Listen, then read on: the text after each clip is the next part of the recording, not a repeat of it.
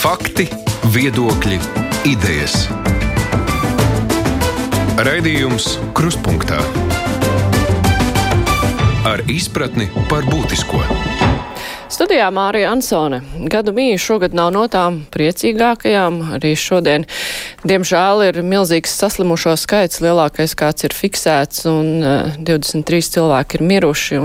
Arī procents uh, Covid pozitīvo testu skaitam ir liels, vairāk nekā 11% uh, no izmeklētiem. Bet, uh, nu jā, tas arī ir iemesls, uh, kāpēc valdība šodien lemj par jauniem ierobežojumiem, par komandantu stundas ieviešanu jaunā gada brīvdienās, kas tā maigi tiek saukt par mājasēdi, bet faktiski komandantu stunda vien nozīmē. Bet par valdības darbu un arī citām aktualitātēm mums šodien ir iespēja runāt ar valsts prezidentu Egilu Levitu, kurš ir kopā ar mums attālināti. Labdien, Levita kungs! Labdien visiem! Tāpat kopā ar mums ir žurnāliste Anita Daugsta no TV24. Sveika, Anita! Labdien! Un Odita Krenberga no Latvijas televīzijas ziņu dienesta. Sveika, Odita! Dien. Klausītāji var rakstīt uh, savas vēstules mums vai nu uz adresi kruspunktā, Latvijas radio.lv, var sūtīt ziņu no mūsu mājaslapas, uzdot jautājumu valsts prezidentam, var mēģināt zvanīt, bet es uh, neesmu droša, ka varēsim trāpīt īstajā brīdī ar jautājumu, tā kā, nu, es centīšos varbūt pacelt arī klausuli. Bet vispirms runājot par valdības uh, valdības lēmumiem par šo komandantu stundas ieviešanu, acīm redzot, iepriekšējie pasākumi, nu, cilvēkus nav pietiekoši atturējuši nepulcēties, ko rāda arī šie saslimstības rādītāji. Levitkungs, kā jūs vērtējat šo valdības izšķiršanos, tā pavisam liels ierobežojums noteikti um, svētku naktīs? Jā, tas ir absolūti nepieciešams. Un kādēļ tas ir nepieciešams? Tas ir tādēļ, ka viena neliela daļa cilvēku nu, joprojām nav sapratuši, nav nofilmējuši, kas ir tas, eh, ko nedrīkst šajā situācijā darīt. Tas nozīmē, nedrīkst inficēt citus. Bet lielum lielais vairums, protams, pieturās pie šiem ierobežojumiem un samazina savus kontaktus. Un uh, tiem, kas uh, tos godprātīgi pilda, ar visām nērtībām, kas ar to ir saistīts, par tiem, eh, tiem es gribētu izteikt lielu un lielo paldies. Jo, ja šie cilvēki arī e, sāk ne, neatbildīgi izturēties, tad faktiski nu, mūsu, mūsu valsts faktiski ir, ir nonākusi pilnīgi teiksim, tādā, tādā teiksim, katastrofālā situācijā. Tagad šis skaitlis, tas tā saucamais R skaitlis, cik cilvēki inficējas, ir daudz vairāk par vienu. Tas nozīmē, ka mēs vēl esam uz, tāda, uz tādas plato, teiksim, tādas līknes, kas vēl neiet geometriskā progresijā. Bet tomēr šodienas skaitļi rāda, un pilnīgi skaidrs, ziemas, tas ir Ziemassvētku rezultāts. Tas ir Ziemassvētku rezultāts. Un, ja nebūtu šis tagad, šī mājas sēde, kas man vienkārši patīk, šis vārds labākā komandas stunda, ja nebūtu noteikta šī mājas sēde tagad, jaungada naktī, tam eh, četrām dienām tagad, un tad vēl eh, divām dienām nākamajā nedēļas nogalē, es domāju, ka tas būtu nu, pilnīgi katastrofāli. Tas ir nepieciešams, lai tomēr kaut kādā veidā noturētos pašreizajā līmenī. Jo man jāsaka, šodienas skaitļi skaidri parāda Ziemassvētku rezultāts. Un tas, ka viens neliels mazākums cilvēku inficē pārējo sabiedrību, kas nav pieļaujami. Kas nav pieļaujami, un to, eh, protams, valdības pasākumi ir viena lieta, bet valdība, protams, var nolemt. Bet es domāju, ka mums visiem ir kaut cik pilsoniskā atbildība, kas ir mūsos. Pilsoniskā atbildība, ka šie eh, kontaktu ierobežojumi ir arī jāievēro un patiesi jāievēro. Kolēģi, Anita? Jā, es gribēju teikt, ka es, es saprotu šo brīvdienu mājasēdi un um, arī to, ko jūs teicāt attiecībā par, to, par tiem cilvēkiem, kuri Ziemassvētkos iespējams neierobežoja, neierobežoja savus kontaktus, taču Tas, kas man uztrauc vairāk, ir šī ārkārtas situācijas pagarināšana līdz 7. februārim. Vai tiešām ir nu, iespējams maksimāli korekti ievērot visus līdz šim noteiktos ierobežojumus tik ilgā laika posmā? Jo šeit atkal parādīsies jautājums par atbalstu un skatoties uz to atbalstu, kas ir saņemts līdz šim. Proti, šīs izmaksātās summas, nu, varbūt miljoni tie ir, bet, ja mēs runājam tādā individuālā līmenī tas, tas tomēr nav tik liels atbalsts. Vai tiešām ir pārliecība, ka salīdzinoši valstī, kur cilvēkiem ir tik maz ienākumu, viņi spēs izturēt līdz 7. februārim visus šos ierobežojumus? Tas ir ļoti labs jautājums, par ko es arī gribu runāt. E, katrā ziņā visi šie ierobežojumi automātiski un automātiski ir saistāmi ar attiecīgu atbalstu. Un, uh, tur uh, varbūt nedaudz šis atbalsts kavējās, bet uh, principā valdība pie tā strādā. Un, ja tas nav pietiekami efektīvi, tad tas jādara vēl efektīvāk kā līdz šim. Tātad ierobežojumi, atbalsts. Tas ir viena sistēma. Tā ir viena sistēma. Tam ir jābūt pilnīgā, pilnīgā sasaistē. Jautājums par to 7. februāri. Tā, ja izrādīsies, ka var ātrāk atcelt, ja strauji ies saslimstības skaitļi uz leju, un es uzsveru, strauji ies uz leju, tādā gadījumā valdība noteikti lems. Mēs varam to atcelt arī ātrāk. Visi būs priecīgi. Bet nu, pagaidām ir noteikti šis, eh, lai mēs varētu plānot arī tomēr šis laiks līdz 7. februārim. Un, eh, teiksim tā, jo mazāk mēs kontaktēsimies ar citiem cilvēkiem, jo iespējamāks būs valdības lēmums atcelt šo eh, ārkārtas situāciju ātrāk. Jo vīruss darbojas pavisam vienkārši. Kontaktējoties cilvēkam, jo vairāk tev kontaktu, jo lielāka iespēja, ka tu pats saslimsti, un jo lielāka iespēja, ka tu inficē citus. Tā ir tā problēma. Un tāpēc es tiešām ceru, tagad būs cilvēki, varbūt sapratīs ar šo mājasēdi, nu, kad ir pavisam, pavisam, pavisam nopietna situācija. Un tiešām arī eh, eh, nu, minimāli kontaktēsies. Un tas varbūt radīs to iespēju, ka mēs varam ātrāk atsaukt ārkārtas situāciju. Es uz to ļoti ceru. Es domāju, mēs visi ceram. Tādēļ mums arī jāsaka tiem cilvēkiem, kurus mēs pazīstam un kuri to neievēro. Nu, klausies, tu apdraudi mūs visus. Ja tu gribi sevi apdraudēt, lūdzu, bet tu nedrīksti citus apdraudēt. Tas ir pilnīgi, eh, pilnīgi asociāli. Kolēģi, Adita. Jā, un klausoties, radās divi tādi secinājumi. Viens ir par to, kāpēc mēs šeit esam tik tālu nonākuši šajā situācijā. Un, manuprāt, ka nevar būt tā, ka pie visa ir vainīga kaut kāda maza sabiedrības grupa, kas ir tik neiecietīga un pret citu cilvēku interesēm. Tāpēc man liekas, ka nepietiekama uzmanība ir pievērsta tam, lai izvērtētu, kāpēc mēs tur esam nokļuvuši, kur esam. Jo skatoties, kā tas ir bijis, var redzēt, ka, piemēram, ļoti, ļoti vēlu tika ieviesta pastiprināta robežas kontrolēšana. Arī, piemēram, šīs viesnīcas, kurās ir jāuzturas tiem, kuri, kuri atgriežas, piemēram, no ārzemēm un var inficēt citus, uh, Uh, gribot vai negribot, šīs viesnīcas tiek ieviestas pārāk vēl. Mēs zinām, ka arī zinātnieki jau bija, mūsu pašu Latvijas zinātnieki bija izpētījuši jau to, ka, ka šī ir uh, caurā vieta šajā visā sistēmā. Un man liekas, ka šeit ir uh, nu, ne, nu, nepareizi to asociēt tikai ar kaut kādiem bezatbildīgiem cilvēkiem, bet arī ar, ar politiķu spēju izvērtēt situāciju, laikus pieņemt lēmumus. Tas ir viens. Otrs, ko es gribēju teikt par uh, to, kā lai tālāk dzīvo uh, un kā lai tiek ārā no šīs situācijas. Un tā ir, uh, protams, vakcinēšanās, ar ko tas tiek saistīts. Tāpēc es gribēju jautāt, tas mans jautājums ir jums, Levitkungs, mēs zinām, ka uh, mēs. No, tas, cik ātri mēs iznāksim ārā no šīs situācijas, būs atkarīgs no tā, cik daudz cilvēku arī piekritīs vakcinēties. Un pasaulē neviens vien politiķis, arī tā skaitā bijušie ASV prezidenti Obama, uh, Bušs, arī Klintons, arī amatpersonas, man liekas, Pentagona vadītājs ir starp tiem, kas uzskata, ka ir jārāda piemērs pašiem un ir nu, publiski kaut vai televīzijas kamerā priekšā jā, jāvakcinējas. Vai jūs tam arī piekrītat, vai jūs nepiekrītat tam un gribētu vai negribētu rādīt tādu piemēru?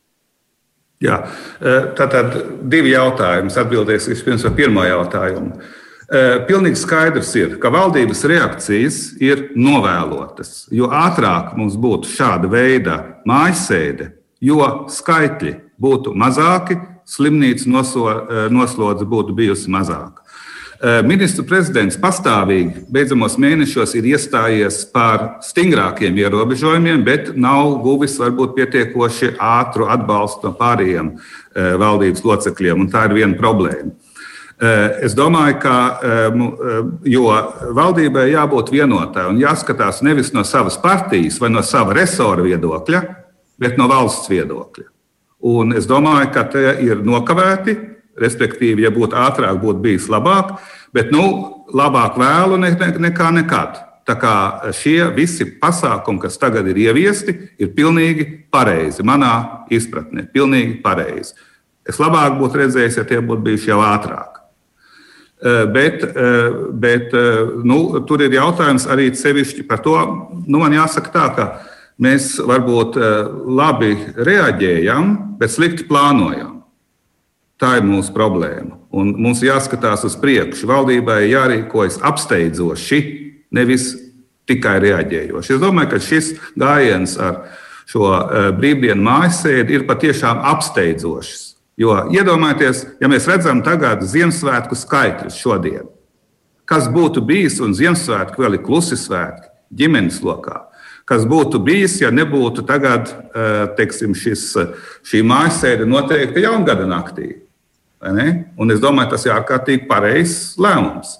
Tā kā e, tiešām to vajadzēja ātrāk, un e, arī tie, kas e, izteicās, arī starp citu, teiksim, mēdījos, nu, kam nevajag pārspīlēt, un, un teiksim, visu to es domāju, ka tiem arī ir jāpārdomā sava līdzinājuma rīcība, tāpat arī kā tiem atbildīgajiem amatpersonām, kura, kā sakot, līdz šim saku, uzskatīja, ka nu, labāk, teiksim, vismaz manam resoram, lūdzu, nē. Tas ir, tas ir, tas, tas ir nopietns jautājums, dārgā kolēģi. Otrais jautājums par, par vakcinēšanu. Es domāju, tur mums ir jārunā vēl, vēl, vēl skaidrāk, bet atbildot uz jūsu jautājumu, protams, protams, ja tas kaut ko dod un šī priekšsēma dod, protams, es esmu gatavs arī protams, publiski vakcinēties. Tāpat kā daudzi citi Eiropas līderi to dara. Skaidrs. Klausītājs iebilst, ka viņa prāt šie sliktie Covid rādītāji ir nevis no Ziemassvētku svinēšanas mājās, bet gan no milzīgās drūzmēšanās lielveikalos dienā pirms aizlieguma, jo pats svinēšana mājās viņa prāt nevar būt par iemeslu. Bet nu, tā ir klausītāja replika. Es, es domāju, Ziemassvētkus kā tādus. Kā tādus, es, protams, jā. Ir Varbūt tu mājās esi viens ar, ar ģimeni, bet pirms tam tu pamatīgi drūzmējies un, protams, saņem šo vīrusu un nodod viņu tālāk. Tā ir tā lieta. Jā, un bet, šodien ir tie rezultāti. Jā, bet runājot par valdību, kā jau tika norādīts, arī jūs norādījāt, ka valdība daudzos gadījumos rīkojās novēloti. Kā jums šķiet, nu, nu tagad, protams, valdības satricinājumi nevienam nav vajadzīgi, bet, nu, tad, kad viss būs norimies, vai ir nepieciešams, nu, kaut kā izvērtēt valdības kopumā un atsevišķu tās uh, locekļu darbību šajā laikā, vienlaikus arī pieprasot uh, nu, kaut kādu atbildību par to, vai arī tas viss jāatstāja kā bijis bijis. Redziet, tā vasarā mēs varējām teikt, ka mēs esam labāki kā citur Eiropā. Jo mēs patiešām bijām labāki kā citur Eiropā. Šodien mēs vairs nevaram teikt, ka mēs esam labāki. Mēs esam tieši tādi paši tikpat slikti kā citās Eiropas valstīs, vai tikpat labi. Mēs neesam kaut kur, teiksim, lejas galā. Nē, mēs esam pa vidu un drusku vēl joprojām drusku, drusku uz augšu no vidusmēra. Bet mums nav jābūt ar to apmierinātiem. Mēs varējām būt apmierināti vasarā, ka mēs tiešām bijām labākie Eiropā. Šodien mēs esam vairs tikai viduvēji, bet nu, tā problēma, kā ir pilnīgi arī psiholoģiski saprotams, ka negrib ieviest ierobežojumus eh, vai, vai teiksim, kādus pasākumus, ja nu tie skaitļi ir diezgan zemi. Mums bija dažas dienas vasarā, kur man liekas, nebija pat neviena saslimušā. Bija dažas dienas. Un tad eh, runāt, varbūt, ir, eh, teiksim, tā, ja tu cilvēks, ja tu plāno uz priekšu, tad, protams, tu par to runā, bet tas nav populāri. Un es varu psiholoģiski saprast šīs amatpersonas, kurām to negribējās tagad šādā skaistās dienās eh, un saslimuši vai tuvu nulē, tagad runāt par ierobežojumiem. Bet nu, mēs redzam, šī ir mācība, un eh, mēs mācāmies tāpat kā pārējās eh, Eiropas valstis un, un valdības un politiķi. Un es domāju, ka nu, šai mācībai jābūt stingrai. Tā ir jābūt, tā jāsēž. Eh, tādēļ eh, es domāju, ka eh, tagad nav īstais laiks meklēt vainīgos, jo nu, ir, teiksim, tā, ir cilvēki, piemēram, ministrs prezidents jau rudenī teica, ka vajadzētu stingrāks ierobežojums, bet nu, citi negribēja.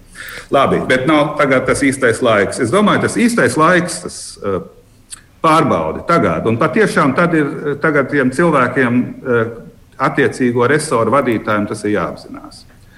Eh, ir šī vakcinācija. Ir jābūt vakcinācijas programmai, kurā pilnīgi skaidri mēs redzam, cik mums vakcīnas ir iepirktas. Un mums ir 1,9 miljoni iedzīvotāji. Pieņemsim, ka tā vakcinēšanās, es vēlreiz uzsveru, būs brīvprātīga. Neviens netiks piespiests.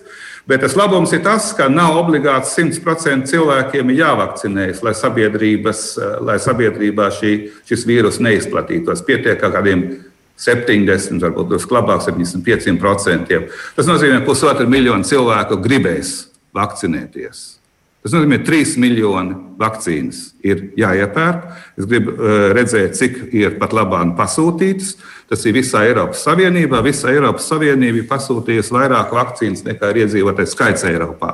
Un tas tiks sadalīts, uh, sadalīts uz uh, iedzīvotāju skaitu katrā valstī. Latvijā pienāksies arī tikpat daudz, bet no mums ir atkarīgs vispirms šī vakcīnu sakot, iepirkšana, pasūtīšana pat labāk mazliet neskaidra vai, vai nepietiekoši skaidra situācija, ar kurā laika brīdī šīs vakcīnas pienāk, jo viņas vispirms ir jāsaražo.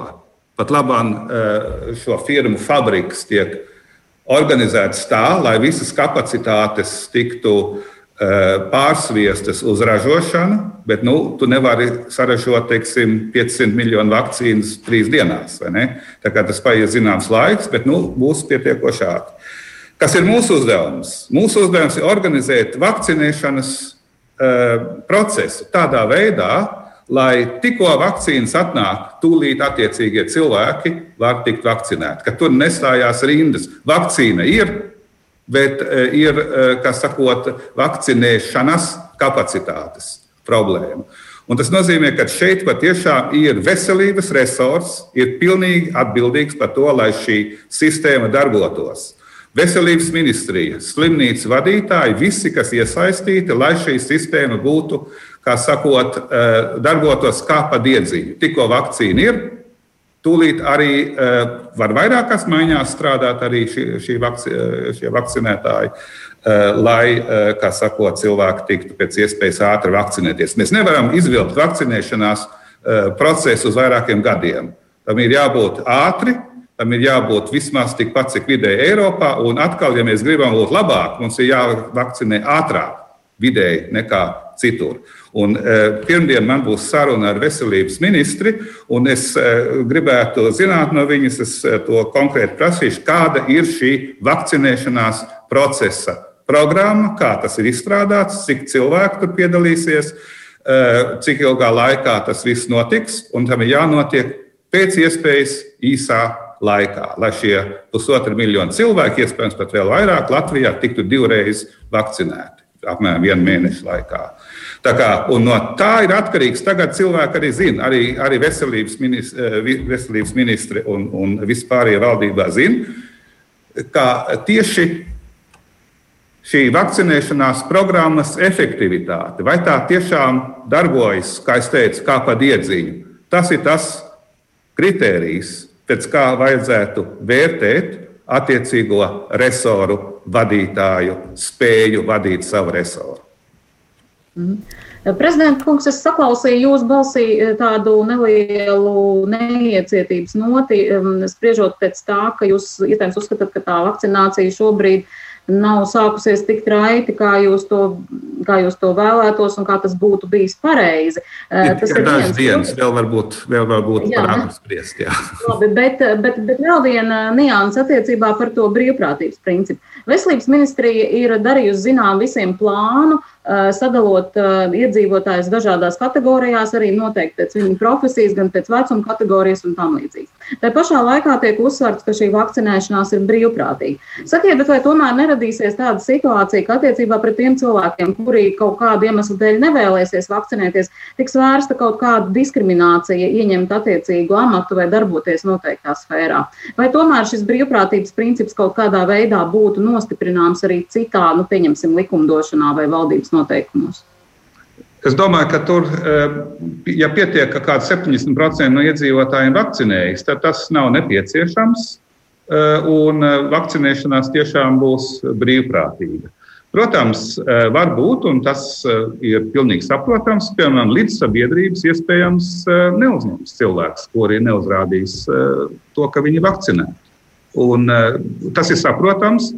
Kādēļ tas ir saprotams? Pilnīgi vienkārši, primitīvi tas ir saprotams. Ja tu kā nevakcinēts, tomēr apdraud citus, ieej lidmašīnā, inficē citus, to neviens negrib. To neviens negrib. Tā kā es teiktu, ka, protams, labāk būtu, ja vairāk procentu vakcinētos.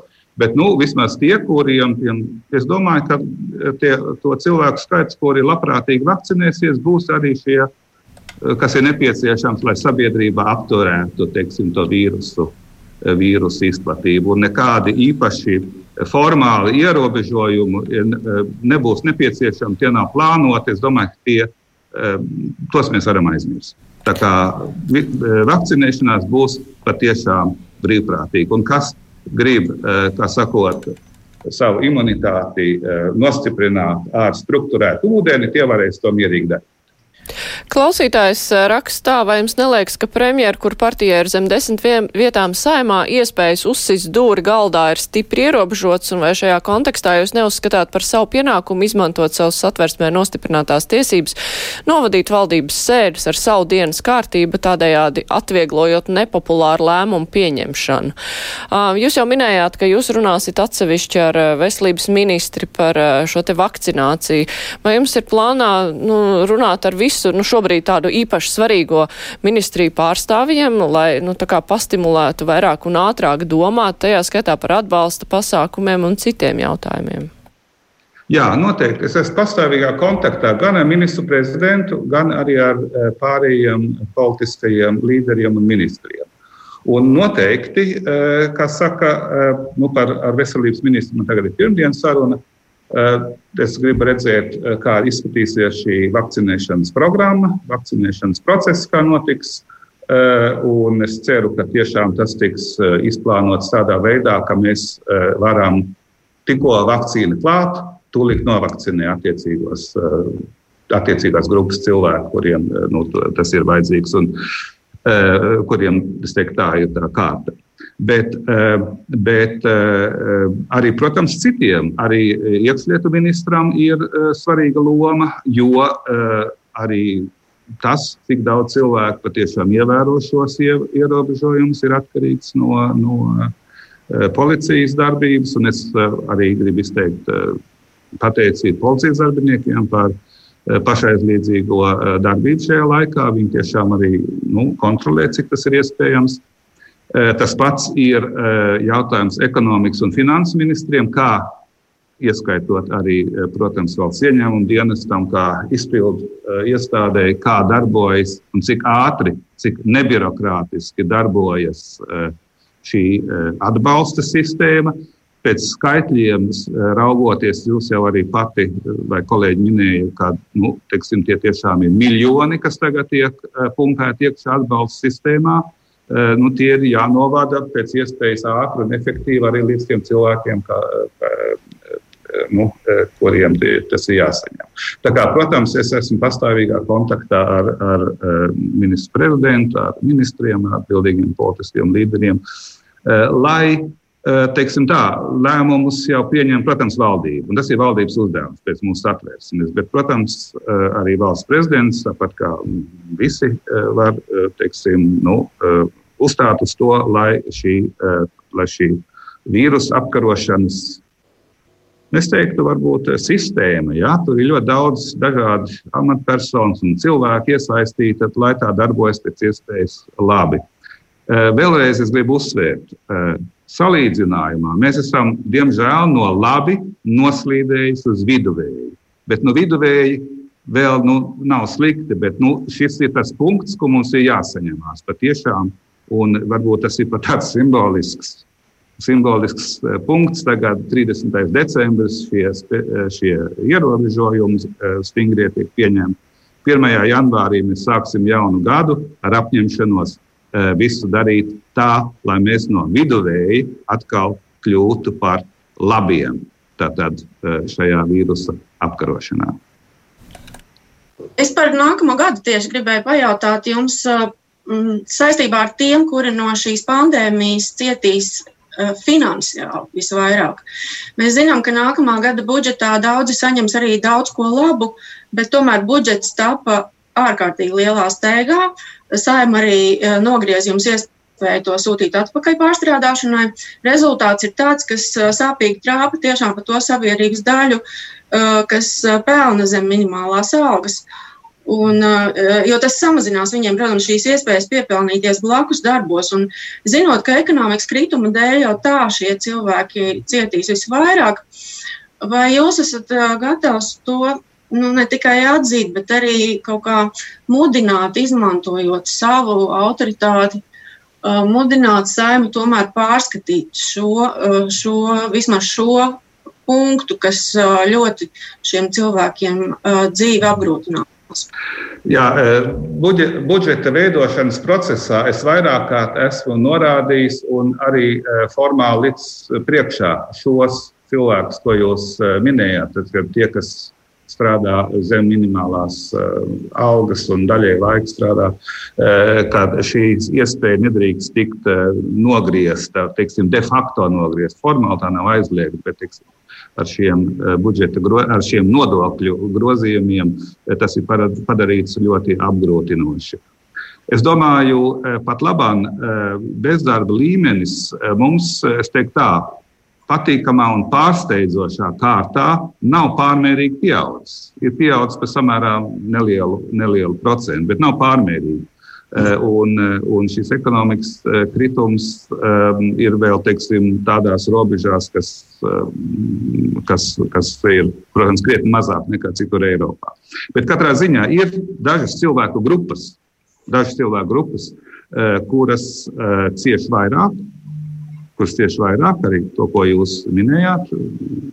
Un es domāju, ka tam ir jāskatās tagad, 1. janvārī sāksies, stāsies spēkā jaunā sistēma. Un ļoti rūpīgi jāsako līdzi, kā tas attiecās tieši uz šīm grupām. Un, ja tas ir nepieciešams, tādā gadījumā eh, šis nodokļu likums būtu jāatver no jauna un jāpārskata. Eh, manuprāt, to nemaz nevajadzēja pieņemt. Bet, nu, labi, ir pieņemts, bet, nu, eh, ja gadījumā mēs konstatējam, tas tomēr neiet, tā bija kļūda, tad gadījumā ir atkal saimnes uzdevums to labot. Bet ja jūs eh, minējāt, ka vajadzētu pārskatīt, vai jūs veiksiet kaut kādas darbības, nu, lai tā, tas būtu nevis tikai vajadzētu, bet eh, nu, kaut kā stingrāk, lai būtu skaidrs, ka tas tiešām ir jādara, jo tāda vēlējuma izteiksme nu, visbiežāk jau nestrādā. Redziet, eh, valsts prezidents var izteikt teiksim, savu viedokli un savu vērtējumu. To es arī daru, es to arī aktīvi daru. Valsts prezidents nevar piespiest saimu likumu eh, grozīt, bet es varu izteikt savu viedokli. To es arī daru. Es to esmu izteicis eh, budžeta veidošanas procesā, respektīvi šīs nodokļu paketes pieņemšanas procesā. Nu, Sājuma izlēma citādāk, un es tad, ja gadījumā tagad parādīsies, ka nu, šis negatīvais efekts Tādā gadījumā es, protams, uz to atkal atkārtoti, diemžēl tādā atkārtoti man būs jānorāda. Bet, nu, Varbūt tas eh, tomēr neizraisīs tik negatīvas sekas, bet es eh, tiešām uh, aicinu arī, varbūt arī nu, uh, sabiedrību sekot, kā tas attiecās tieši uz šo cilvēku grupu. Un tādā gadījumā noteikti es arī nu, jāpaiet zināmam laiciņam, varbūt kādiem diviem mēnešiem, vai kā, lai redzētu, kā darbojas šī jaunā nodokļu likumdošana. Un tad tas ir jāizvērtē, nopietni jāizvērtē, un tad ir jāpieņem attiecīgais lēmums. Ja tas iet, ok, ja ne, tad ir jāatver un jālabo šī Es tikai pavisam, pavisam īsu precizējumu šajā mūsu sarunā gribēju mazliet atkāpjoties atpakaļ. Bija ļoti, ļoti labs skatītāja jautājums par, par to, vai jūs sasauksiet ministru kabineta sēdes, izmantojot savas iespējas. Vai jūs varētu īsi atbildēt, vai jūs esat gatavs kaut ko tādu darīt un par kādām tēmām? Jā, nu, teiksim, valsts prezidents atsauc ministru kabineta sēdi. Tas ir pēc satversmes iespējams bet nu, tam nevajadzētu būt normai. Speciālā situācijā, protams, es to varu darīt, ja redzu, ka nu, valdībai ir teiksim, īsta krīze. Tādā gadījumā es noteikti to arī darīšu. Nu, pat labi, man šķiet, ka es teiktu tā. Valdība tagad, pēc tam, kad mēs uh, runājām pirms dažām nedēļām Eh, televīzijā, kur es eh, nu, piekodināju ieturēt mutes disciplīnu. Es redzu, ka situācija ir uzlabojusies. Es redzu, ka situācija patiešām ir uzlabojusies, un strīdi un domstarpības valdības iekšienē ir normāli, jo tev jānonāk pie rezultātu. Demokrātijā mēs ieejām ar dažādām pozīcijām, bet iznākam ar vienu pozīciju. Un šī viena pozīcija tiek pārstāvēta no visas valdības. Jo sabiedrība to nesaprot, kā teiksim, vienam ministram tāda pozīcija, otram tāda. Valdība darbojās kā viena komanda. Un es domāju, ka tas arī darbojās. Ja teiksim, būs īpaša situācija, tad, protams, es arī sasaukšu ministru kabineta sēdi ar tādu darba kārtību, kāda tajā brīdī būs vajadzīga. Es atgādināšu klausītājiem un Latvijas televīzijas skatītājiem, ka šodien kopā ar mums ir valsts prezidents Egils Levits un arī žurnālisti Anita Augste no TV24 un Odita Krenberga no Latvijas televīzijas. Mēs tūlīt turpināsim. Raidījums Krustpunktā. Um, baznīcu konfeciju vadītāji aici, izteica ap Ziemassvētkiem aicinājumu satversmē nostiprināt izpratni par ģimeni, kas ir balstīta laulībā starp vīrieti un sievieti. Vienlaikus mums klausītāji arī vaicā, kā jūs saredzētu ģimenes definīciju satversmes tiesas pēdējo spriedumu kontekstā, vai ģimene ir tikai divi heteroseksuāli cilvēki, vai tie var būt arī homoseksuāli cilvēki. Un, Kā jūs saredzat vispār šīs situācijas risinājumu? Jo no vienas puses ir aicinājums satversmē stingrāk definēt to, kas ir ģimene stingri noteikt, ka tā ir laulība, ka tā ir laulībā balstītas attiecības starp vīrieti un sievieti, un no otras puses ir šis satversmes tiesas spriedums, kurš norāda, ka nu, valstī vajadzētu precīzāk gan pateikt uh, šīs ģimenes jēdzienu un vienlaikus arī um, iesaistot, uh, um, nu, juridiski aizsargāt visa veida ģimenes, ne tikai tās, uh, kuras ir tradicionālas. Kā jūs redzētu, nu, kā vajadzētu rīkoties, lai sakārtotu juridiski šos jautājumus, jo te ir tā kā divas galējības, kā, nu, kā cilvēki redz, kā to vajadzētu risināt? Jā, eh, manuprāt, jūs labi formulējat. Te ir tādas divas galējības, bet eh, patiesība ir laikam drīzāk kaut kur pa vidu, bet viņi vēl ir jāatrod. Viņi nav īsti redzami. Eh, tradicionāli mūsu kultūras lokā par laulību un ģimeni uzskata šo klasisko, klasisko laulību, klasisko ģimeni. Un tas ir, kā sakot, gadu simtiem ir mums iegājies Tas ir eh, mūsu eh, kultūras eh, mantojums. Tā ir arī viena no teksim, mūsu sabiedrības pamatvērtībām. Tagad, beidzamā laikā, un satversmes tiesa arī ir sekojusi šim, šim trendam, šie, šai tendencei, ir tendence arī paplašināt šo uztveri. Šajā gadījumā neiet runa par laulību, satversmes tiesa laulību nav aiztikusi, teiksim tā, eh, bet ir runa par ģimeni. Um, ir, protams, reālā situācija tāda, ka eh, dzīvo kopā vienā, vienā mājsaimniecībā teiksim, dažādi cilvēki, kuri teiksim, kopā veido savu, savu, savu kopdzīvi. Un šeit var būt situācijas, kur ir nepatiešām nepieciešams arī juridiski dot iespēju, ja viņi to vēlas, nevis obligāti, bet dot iespēju, viņi to vēlas, arī šīs attiecības vai, vai konkrētās situācijas noregulēt. Es domāju, ka tādi, tādas iespējas pastāv. Tas nebūtu pretrunā ar, ar satversmi, uh, bet nu, tur ir nepieciešams teiksim, gan darbs saimai. Saimai ir uzdots, satversmes tiesa ir uzdevusi līdz 22. gada 1. jūlijam šos jautājumus sakārtot. Eh, gan, protams, arī diskusija sabiedrībā, jo tās situācijas var būt pavisam, pavisam dažādas. Starp citu, viena no tipiskajām situācijām ir nu, tā, triju pauģu sievietes, kas dzīvo vecmāmiņa, meita ar mazgadīgu vēl vienu bērnu. Ja? Eh, teiksim, tas arī ir. Un tur ir tādi paši līdzīgi jautājumi. Pieņemsim eh, jautājumus par to, vai var, eh, teiksim, nu, tas klasiskais, ko mēs te vienmēr maļām, ir tas, ka nu, nevar slimnīcā piezvanīt ārstam un uzzināt, kā tam otram tur iet. Un dažādi citi jautājumi. Es domāju, ka tie visi ir, visi ir risināmi. Vienlaicīgi, bet, bet protams, runājot. Svarīgi, Viss ir izcinām, un, un par to arī Tieslietu ministrija ir tā, kas mēģinās visus šos gadījumus apkopot un arī nu, nāks kaut kad klajā ar savu risinājumu. Bet runājot, bet runājot tā ļoti konkrēti par šo aicinājumu satversmē nostiprināt izpratni par ģimeni, kas balstīta laulībā starp vīrieti un sievieti, tas ir jādara vai nav? Um, līdz šim tas eh, nebūtu bijis jādara, jo tas, eh, kā sakot, satversmē bija, nu, šī interpretācija bija tāda, kā līdz šim tā bija. Es domāju, ka tas ir viens priekšlikums, viens leģitīms priekšlikums sabiedrības diskusijā, bet tas ir tikai viens priekšlikums un tas ir sabiedrības jautājums. Šos dis, visus šos jautājumus.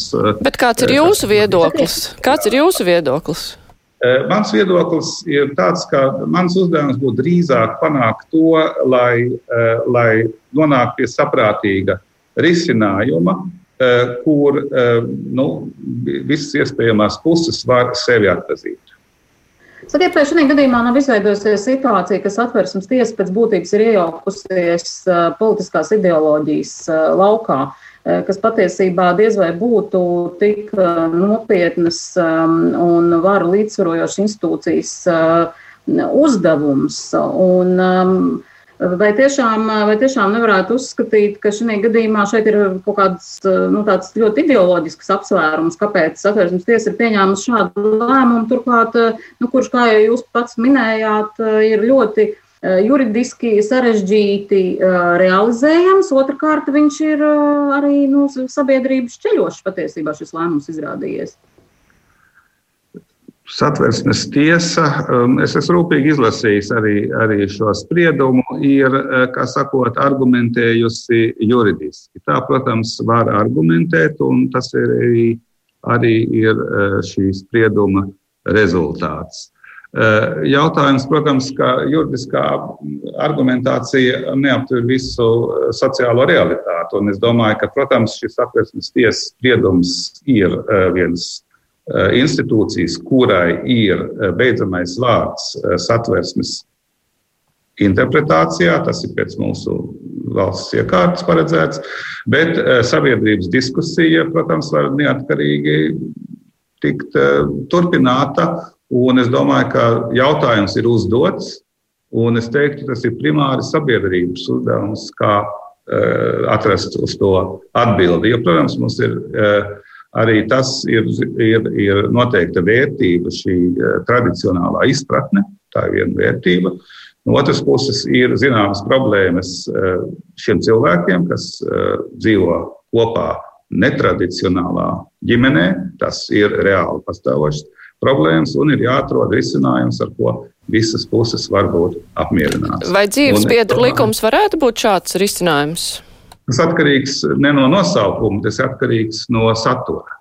Un ir, es domāju, ka tas ir nu, jāskatās, kā to risina, lai protams, mums, mēs nedrīkstētu nu, novest pie tādas ļoti asas šķelšanās šajā jautājumā. Es domāju arī, ka tie, kas pārstāv teiksim, šo tradicionālo vērtību, kas ir svarīgi, ka, tādums, ka šī vērtība ir pat par sevi svarīga, arī saprot, ka tie, kas dzīvo citādākās attiecību formās, ka tur ir, ir zināmas praktiskas problēmas, kuras būtu jārisina. Un arī tie, kas dzīvo šādās attiecībās, saprot, ka nu, ir liela sabiedrības daļa, kurai ir šī vērtība un eh, kuri eh, noteikti vēlas to uzskatīt par labāko formu. Saimā jau ir bijuši projekti šādiem te dzīvesbiedru vai partnerattiecību likumiem, vai kāds no tiem ir pretrunā tradicionālām vērtībām, respektīvi apdraud šīs tradicionālās vērtības, vai arī tie ir bijuši pietiekoši neitrāli likumi, kas juridiski sakārto šos jautājumus, kā jūs vērtētu? Jāsaka, es eh, šos likumprojektus neesmu arī īpaši ielasījis. Eh, iespējams, ka kāds no tiem var tikt virzīts atkal šajā diskusijā, bet drīzāk es pieņēmu, ka ņemot vērā tieši šo konkrēto eh, spriedumu, tiks sagatavots kaut kāds jauns priekšlikums, un Tieslietu ministrija vispirms, acīm redzot, izzinās visas tās dažādas situācijas, kuras varētu tikt regulētas un pēc tam mēs skatīsimies, kā tas iet tālāk. Es domāju, tā ir svarīga diskusija, un to nedrīkst šo diskusiju kaut kādā veidā apspiest vai nepieļaut. Var teikt, tie nepieļaujami argumenti. Es domāju, ka šī diskusija ir svarīga. Sabiedrībai ir jātiek skaidrībā eh, par, eh, par eh, šiem jēdzieniem. Un man jāsaka, tā, tas nav primāri politiķu uzdevums. Tas ir pašas sabiedrības uzdevums. Tie, ko, cilvēki izjūt šo eh, modeli, šo eh, ģimeni, eh, laulību, kā viņi izjūt un kā viņi uzskata to par labu un pareizu. Bet vienlaicīgi arī redzot, ka mums ir arī sabiedrībā ir zināms, zinām pluralitāte. Tā kā es teiktu, tā ir sabiedrības diskusija, tā ir jāturpina, tā ir jābūt, teiksim, ar ar nu, zināmu, ar labiem argumentiem un, protams, ar respektu pret citādo viedokli. Nākamgad uh, ir paredzēta vēl viena likuma realizācija. Tas ir administratīva teritoriālās reformas uh, likums. Jūs esat kritizējis šo likumu, tai pašā laikā esat viņu izsludinājis. Sakiet, vai jūs plānojat sekot, teiksim, vidas aizsardzības un reģionālās attīstības ministrijas darbam šī likuma realizācijā un šī likuma realizācijai vispār kā tādai, un vai nevarētu būt situācija, ka pandēmijas dēļ tas vienkārši nebūs uh, nu, tīri tehniski labi, pareizi realizējams, un viņa ieviešana būtu teiksim, tā, kaut kā pārvirzām vai atliekama. Pat labāk tā neizskatās, bet eh, ņemot vērā šo pandēmijas situāciju, kā jau teicu pašā mūsu sarunas sākumā, mēs visi ceram, jūs cerat, un es ceru, un visa sabiedrība cer, ka nu, šie ierobežojumi, šie kontakti ierobežojumi dažādos veidos novedīs pie tā, ka eh, šī saslimstība mazinās, mazināsies. Un tad mums būs daudz iesp vairāk iespējas arī visādas reformas un visu, ko darīt. Uh, to man vēl pagaidām grūti paredzēt. Uh, ja tiešām tā, kā mēs ceram, tad gadījumā nu, vajadzētu visam arī ripot uz priekšu. Ja gadījumā tomēr tas tā nav, un nu, mēs neesam pareizi šajā gadījumā. Šeit, tādā gadījumā, protams, ir jāizdara zināms secinājumi ministrijai, un tad iespējams, ka tur kaut kas ir jākoriģē vai jāatliek vai kā. Tagad to es pat labam nevaru pateikt. Bet katrā ziņā es noteikti sekošu līdzi. Tas ir viens no valsts uzbūves centrālajiem jautājumiem, pašvaldību organizācija. Un, eh, zināt, valsts uzbūve ir vienmēr manā uzmanības centrā bijusi un ir un būs. Uh, tā kā noteikti eh, jaunā gada sākumā, tikko tas būs iespējams, es eh, ļoti labprāt satiktos ar jauno ministru. Mēs pārunātu noteikti arī šo jautājumu. Auditē.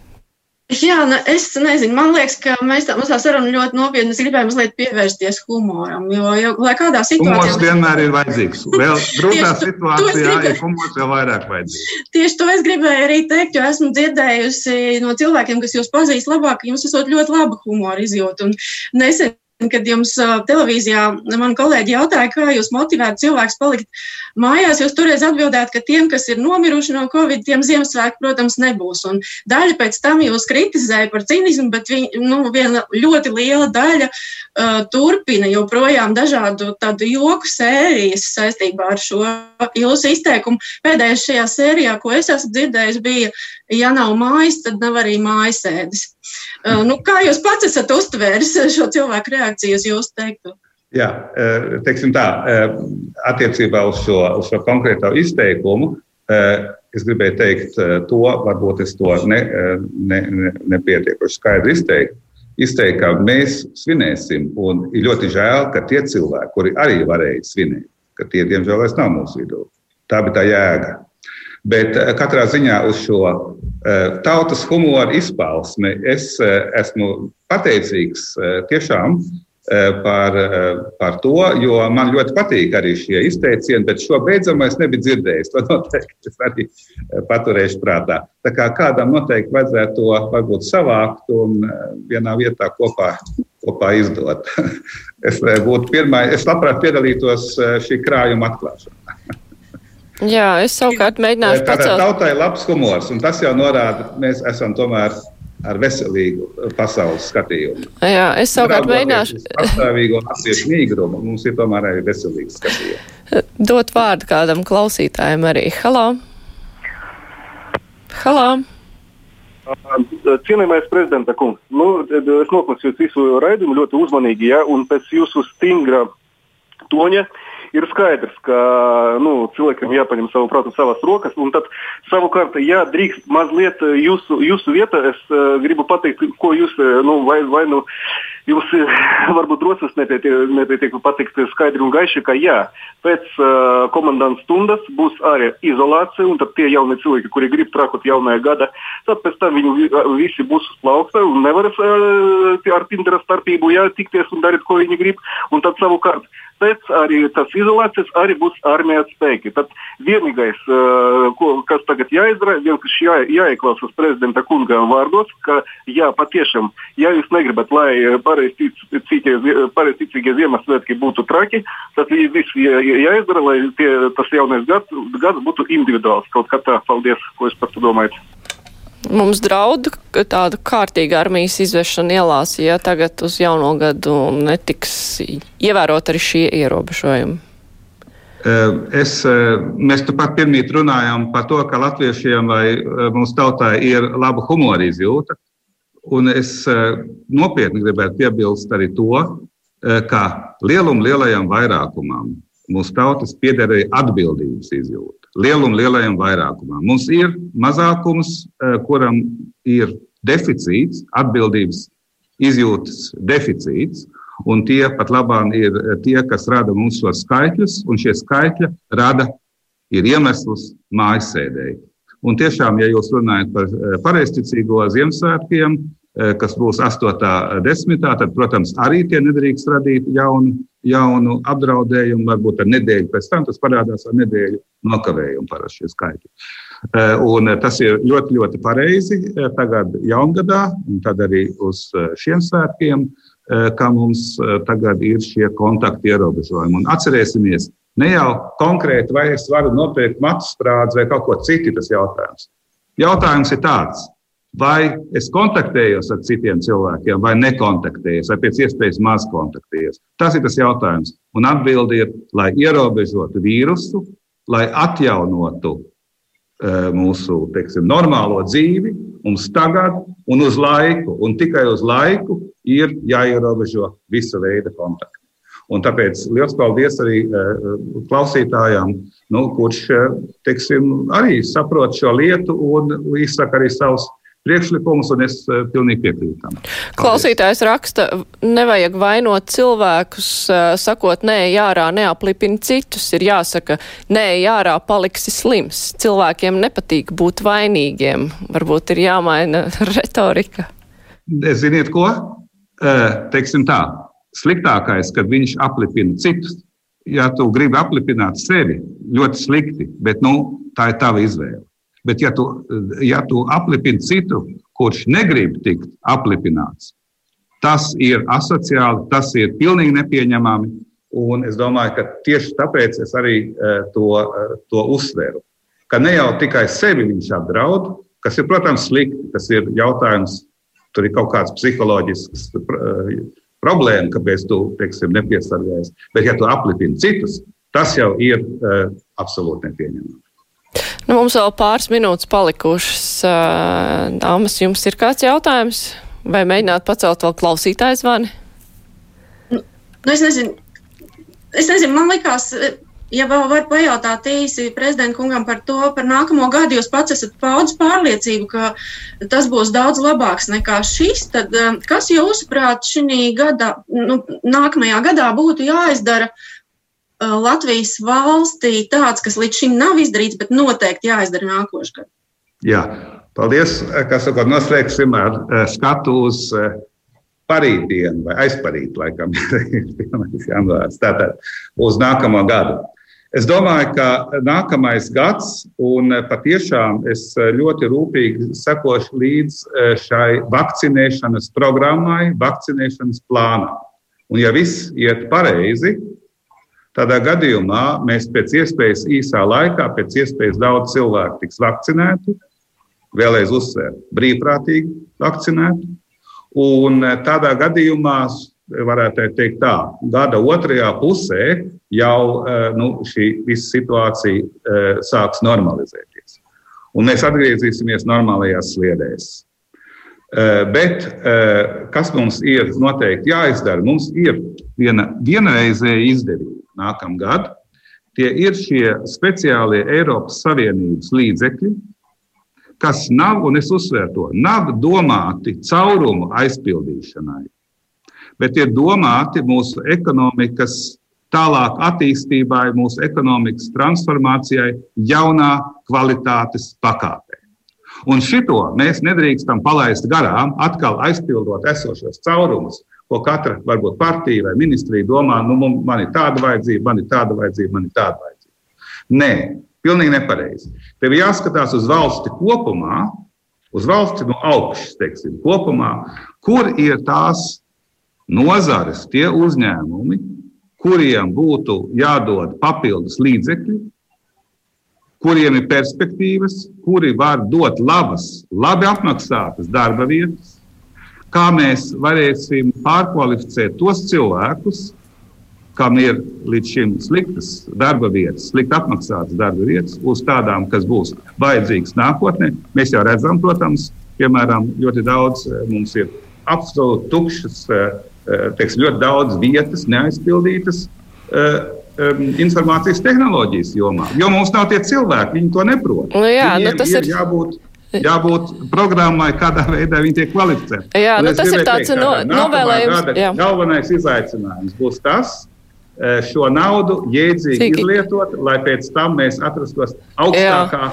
kvalitātes pakāpē. Un tas ir tāds novēlējums, acīm redzot, valdībai. Es savukārt saku paldies valsts prezidentam Megilam Levitam, arī kolēģiem Anitai Daugštē no TV24 un Otitai Krenbergai no Latvijas televīzijas ziņdienest. Raidījums ar to izskan, producente Tevi Junām studijā bija Mārija Ansona. Vislabāk!